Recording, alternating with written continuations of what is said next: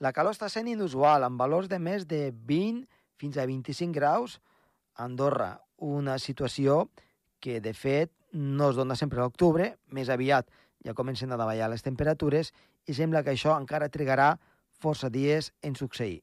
I, a més a més, hi afegim que les precipitacions estan sent molt minces. Comença el torn.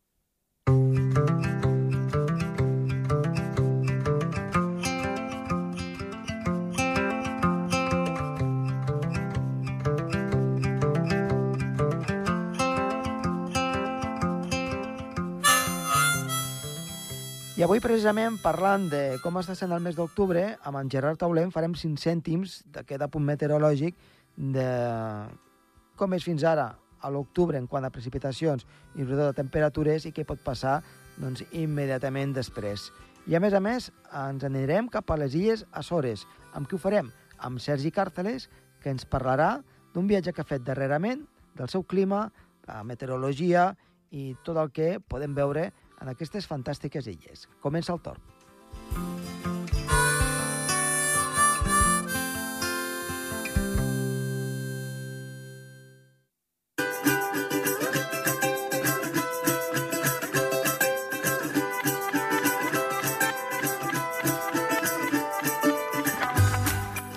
Iniciem el programa i parlem amb Gerard Tauler. Gerard, molt bona tarda.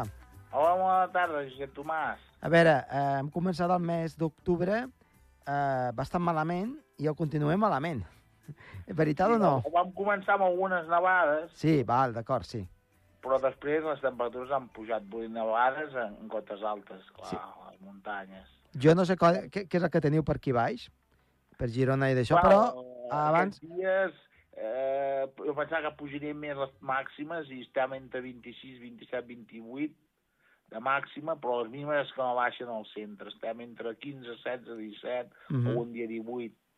I, i, hi ha núvols baixos a la nit i, i boires, i després de dia estones el cel les tapa, estones eh, se serena, i, eh, el dia 17 va ploure, però res, inapreciable, Sí. dir, no sé, Per tant, poca cosa, no? poca cosa, sí. I no sé, veig que al Pirineu hi ha una sequera molt forta. És Molt els forta. pantans estan molt baixos, eh? Ho va dir el dia 17 d'octubre en Francesc Mauri que els, els pantans bueno, estan, estan molt baixos. Eh? Home, pensa que, per exemple, aquí... no, no, no, ha pogut, no, no ha pogut ni nevat a les capçaleres No. gaire, eh? ho ha fet molt feblement. No, no. I les tempestes que, que van afectar aquí a, pri, a principis de, de, de mes, que van afectar el litoral i el prelitoral, que aquí a Girona, gràcies a, a dos dies, gairebé tenim la pluja total del mes, 58 litres. Si no hagués sigut per aquests dies, és que no hauria pogut res aquest mes, fins al dia 18. Vull dir que realment és un mes de- d'octubre força trist. Uh -huh. Aquí al Pirineu eh, també es nota molt amb el canvi de color de, del bosc. Sí, tot deu estar retardat, no? Molt. No, no, no, no A veure. A veure, hem de dir que, evidentment, eh, les plantes noten que hi ha menys... Sí, clar, Menys sol. El, fotope el fotoperíode, la duració del dia és menor. Clar, Clar, si jo també ho veig a Salt, que, que, hi ha, que hi ha algunes plantes que canvien de color, però la majoria encara no ho han fet, encara estan ben verdes. ah, exacte, però pel, per l'època que estem ja hauria de ser molt més acusat. Molt, molt més avançat, sí, sí, sí. Bosc, a part, està bastant sec, eh? eh també... Sí, sí, el terreny està sec, sí, sí, les fonts no ragen, els rius no, no porten cap dalt. Aquí a, a Girona van, van tallar la sèquia Monara el dia 3 d'octubre, Sí? i clar, aquesta sèquia va, va parar a, a, a, al riu Unyà, per, un, a la part última, augmenta el cap dalt a, a partir del pont de pedra, i Sí. sí. el riu Unyà té, té un aspecte molt lamentable, ja, ja t'he enviat fotos, ja, si, si les poden veure al Facebook, ja veuran que Que veritablement, doncs, eh, el nivell dels rius ha baixat moltíssim, doncs, el riu Unyà... especialment a, a tot el que és la cara sud-pirinenca, que és on més sí, està sí, afectant. sí, sí. No, no sé la cara nord com està, però la cara sud, Una miqueta millor, però, vaja, tampoc és per tirar coets, eh? eh no. um, sembla que, doncs, la situació encara s'allargarà uns quants dies i... Sí, és que continuem en una situació de borrasques atlàntiques que, que està plovent força cap a Galícia, Extremadura Mhm. i Portugal, i, i- però, clar, aquí eh, al Mediterrani tenim això, entrades d'aire càlid del sud, perquè, per exemple, eh, eh, he llegit una, una notícia bueno, que, que la vaig escriure al diari de Girona, que aquest any tenim rècord des de 1780 de nits tropicals, 140 al centre de Barcelona, és una barbaritat, eh? Com, com si fóssim al sud-est d'Egipte, una ciutat del sud-est d'Egipte. Mm. Ai, del, del Mediterrani, Sí, sí. del nord d'Egipte, com Alexandria. Per tant, eh, tropicals... I, I a Girona també hem tingut rècord de nits tropicals aquest any, 75. Clar. I, i, va, i vaig dir-ho això el dia 16 d'octubre, que eh, eh, ja ja n'hi ha 142 fins al dia 18 d'octubre de nits tropicals a Barcelona, a l'Observatori del Raval, allà al centre de, de, de Barcelona, allà on, on, on, vaig treure'm la tesi doctoral, Jo a crec, la Facultat de Geografia i Història, sí, sí. penso que aquest any, fins i tot a, al novembre, mm, se'n pot arribar a tenir alguna al Sí, Mediterrani. segurament és que l'a- l'aigua del mar, que clar, ha tingut la temperatura més alta, el Mediterrani occidental de, de, de la història instrumental, 31,4 graus a, a, Sa Dragonera, a Mallorca, vull dir, clar, Mhm. Déu-n'hi-do. la inèrcia de calor, fins que no canvi la situació, els centres d'acció no, no Doncs, acabarà. doncs esperem que vagin canviant aviat, perquè... No esperem doncs, que acabem, sí. Exacte, a veure si la cosa millora una mica. Gerard, moltes gràcies per aquest apunt meteorològic. De res, Adéu-siau, fins la propera. Adéu, Josep. Adéu.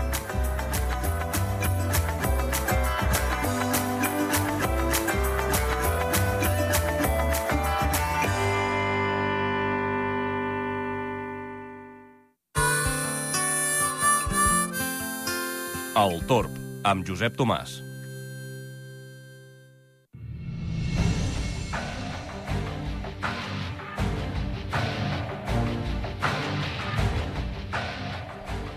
Avui estem amb Sergi Càrteles, un habitual també d'aquesta casa, però li anem a fer una entrevista perquè ens parlarà d'un lloc i sobre una temàtica que crec que els hi pot agradar moltíssim.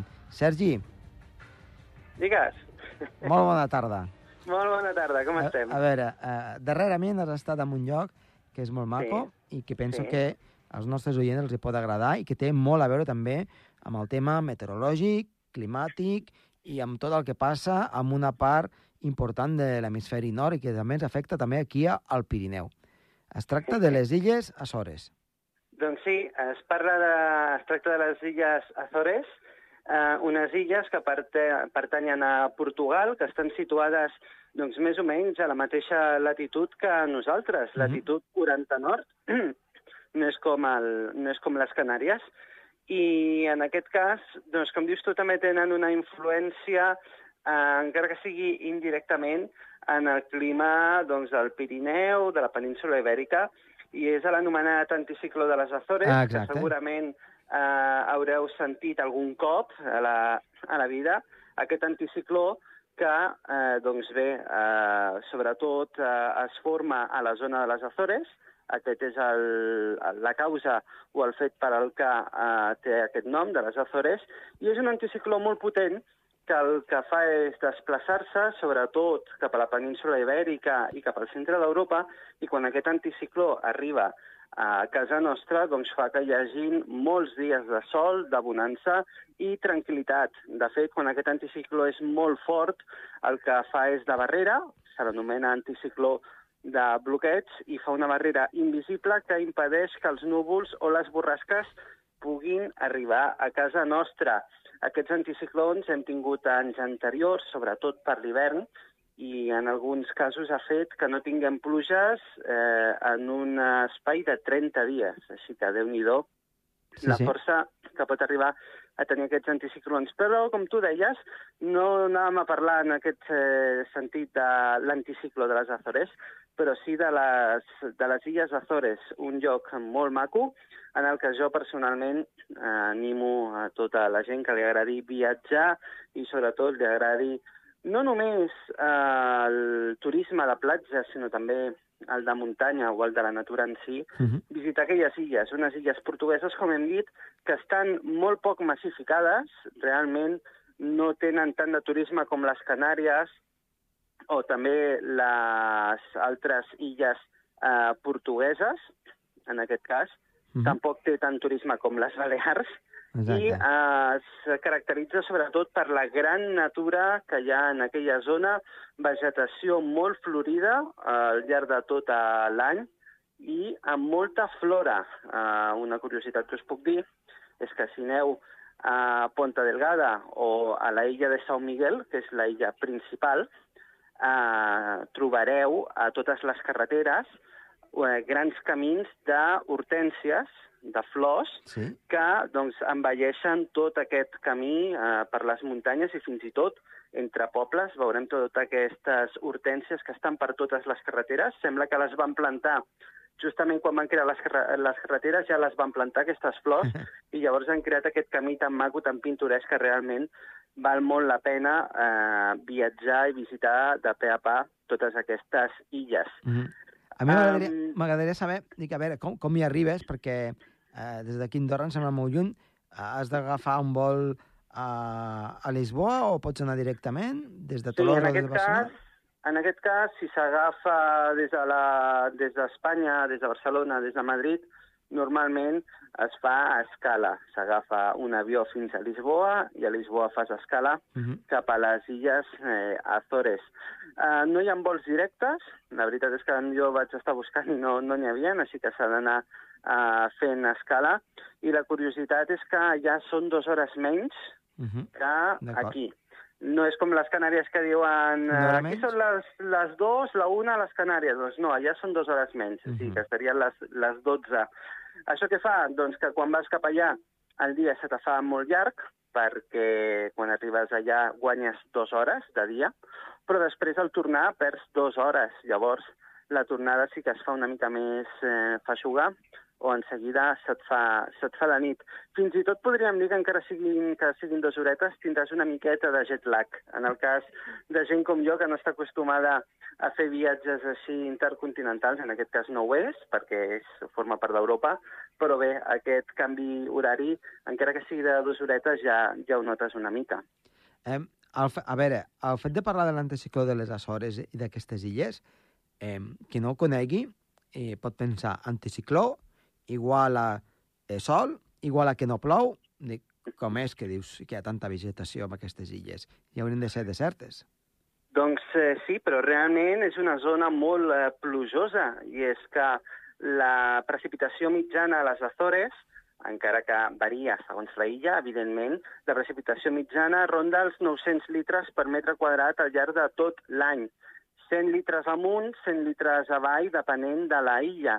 A part, una curiositat és que la gran majoria d'aquestes illes té un clima mediterrani. I em diràs, hosti, com pot ser això? Doncs sí, realment, en la classificació de Cooper, que és aquesta classificació Mhm. que fem servir els climatòlegs per definir quin clima té una zona depenent la precipitació i la temperatura, doncs està dins del clima mediterrani. És a dir, pluges sobretot més intenses a la tardor i a la primavera i temperatures més elevades a l'estiu. Només hi ha dèficit d'aigua a l'estiu. A la resta de l'any no hi ha dèficit d'aigua, sinó que hi ha sobrehàbit de- d'aigua.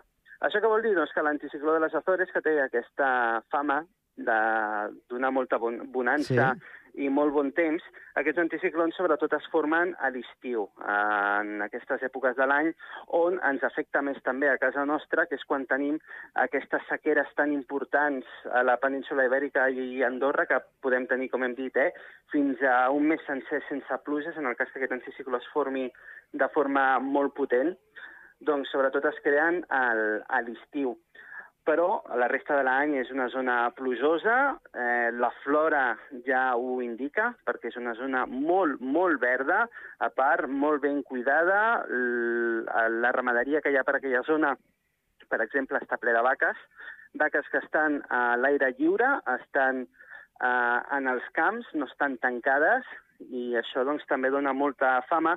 Sembla que estigui aquí fent una promoció eh, a les Azores, Totalment, però eh? Sí, sí, una miqueta.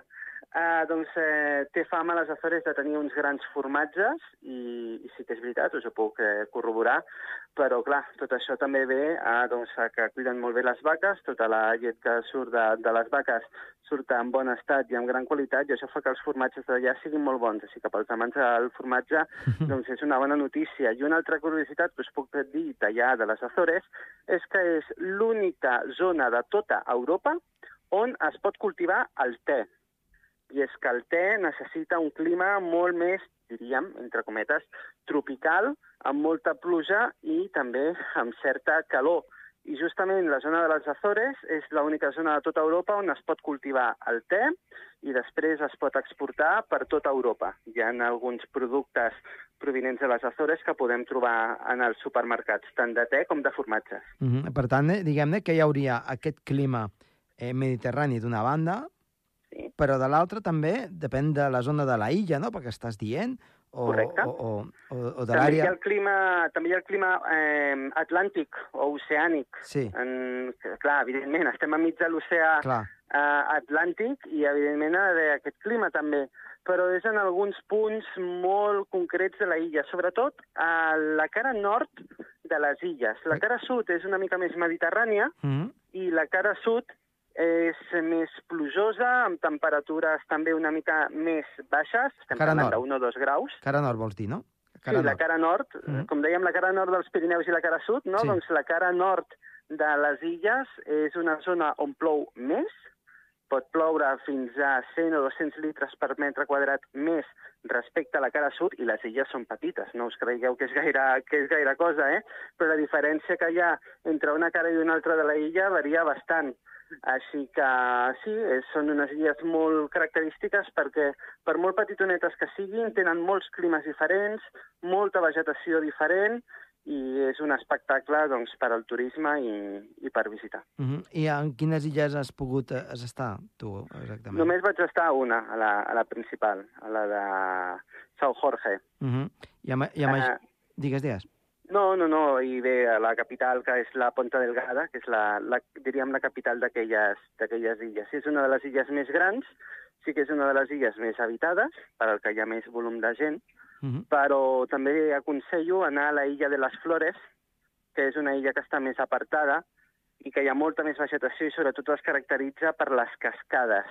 Una cosa que també es caracteritza a totes les illes és que són illes volcàniques i hi ha moltes furnes, que en aquest cas són, eh, diríem que són eh, sortides d'aigua calenta que Sí. surten de sota terra i que alguns restaurants d'aquella zona aprofiten per fer caldos i fer carns d'olla allà mateix a sota terra. Carai, déu nhi eh? Sí, sí, re realment saben aprofitar bé el territori que tenen. És petitonet, però el saben aprofitar molt bé. Mm -hmm. I uh, dos preguntetes més per acabar. La primera, qui- quins són els vents predominants allí? En, eh, aquest, ven- vents que venen del nord, del, del nord, del nord-est, els típics alicis, també que... No, en aquest cas provenen sobretot eh, vents de l'oest, Mm -hmm. del nord-est i del sud, perdó, del nord-oest i del sud-oest. Mm -hmm. Per què? Perquè està eh, aproximadament està, com diem, a la mateixa latitud que, que, bé, que la península ibèrica i aquesta latitud és on predomina la circulació general atmosfèrica, que és de l'oest a, a l'est. També en aquest cas, eh, per aquesta raó, no sé si us en recordeu que fa poc va haver un huracà, Sí. l'huracà Daniel, que a part de tenir la característica aquest huracà de que es va formar a latituds molt elevades, mai s'havia format un huracà a latituds tan altes, de 40 graus nord, el desplaçament era també d'oest a est. I això és el que passarà en un futur en el cas que es formin més huracans a aquesta latitud, que el vent predominant o les masses d'aire predominants en aquella zona són d'oest a est, és a dir, tots aquests huracans sempre s'aproximaran cap a Europa. déu nhi A vosaltres us va afectar, no? Veritat? Ens va afectar una mica per sobre. Per sort no vam tenir l'huracà justament a sobre. Estava situat, no t'enganyaré, a 700 quilòmetres més o menys de distància, és a dir, estàvem a una distància prudent, però sí que vam tenir uns dies bastant inestables, vam tenir cada dia pluges, no eren pluges continuades, però sí que diríem que eren com les pluges del Mediterrani, que ara cau un xàfec, ara deixa de caure, ara torna a caure un xàfec, i així, i poquetes estones de sol. Vam uh -huh. tenir una miqueta de tot. Això sí, mala mar, vam tenir molt mala mar, i allà heu de pensar que és una zona molt escarpada, a part allà no hi ha platges eh, naturals, allà només hi ha dos platges artificials, el més és roca, roca volcànica, i a la mínima que hi ha una mica de mala mar és un perill, perquè si aquestes onades t'arrastren i t'empenyen contra les roques et pot generar bastant de dany. Sí, sí, eh, evidentment. Eh, vo- voldria saber una mica doncs, el temps que, que trigues en arribar des de Lisboa a les illes, molt llarg el vol o és curtet? No, mira, hem de pensar que des de, en el meu cas, des de Barcelona a Lisboa vam tardar una hora i mitja, hora i mitja, quasi dues hores, i la mateixa distància també de Lisboa a les Azores. Més o menys dues hores, dues hores i mitja vam tardar de, de vol a, allà. És a dir, entre el començament, escala i destí, calculeu més o menys unes 5-6 hores de vol, tenint un petit descans, en aquest cas, a Lisboa. Mm, per tant, des de Lisboa allí, hora i mitja dues, més estirat, no? no... Més o menys, sí. No, no. També depèn, ja saps que depèn també de la direcció del vent cap a on bufi, perquè Mhm. l'avió pot eh, estar impulsat o frenat per als vents. Mm -hmm. Sí, sí. Doncs, doncs déu nhi Doncs és un lloc a tenir en compte des del punt de vista meteorològic i també geogràfic, en, a, en aquest cas, no? Sí, jo recomano que busqueu a Google fotografies de les Azores perquè segurament us encantaran i qui sap, potser és el vostre pròxim Destí, viatge eh? d'estiu. I eh, un apunt final, mm, és molt car o què? No, no, no és gaire car, no és gaire car.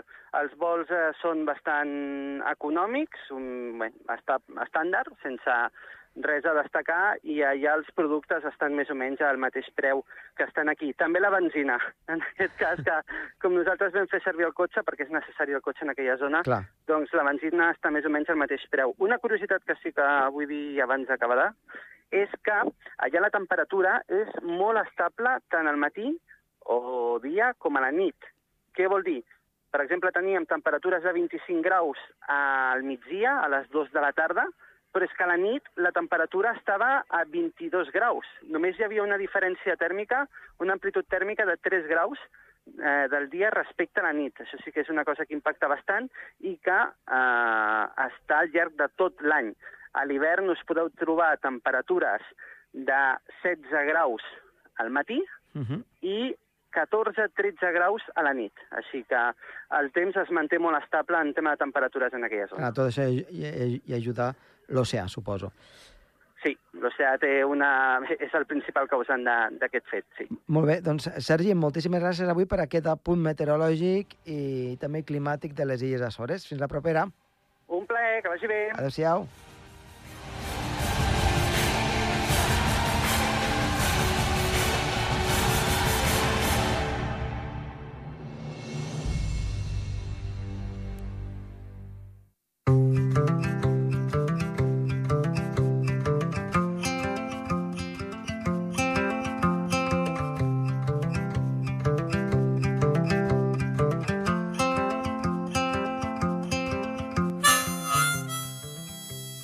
El programa d'avui. Esperem que els hagi agradat estar de les vies de so, Toni Escur, i que els ha parlat amb molt de gust Josep Tomàs Bosch. Adéu-siau.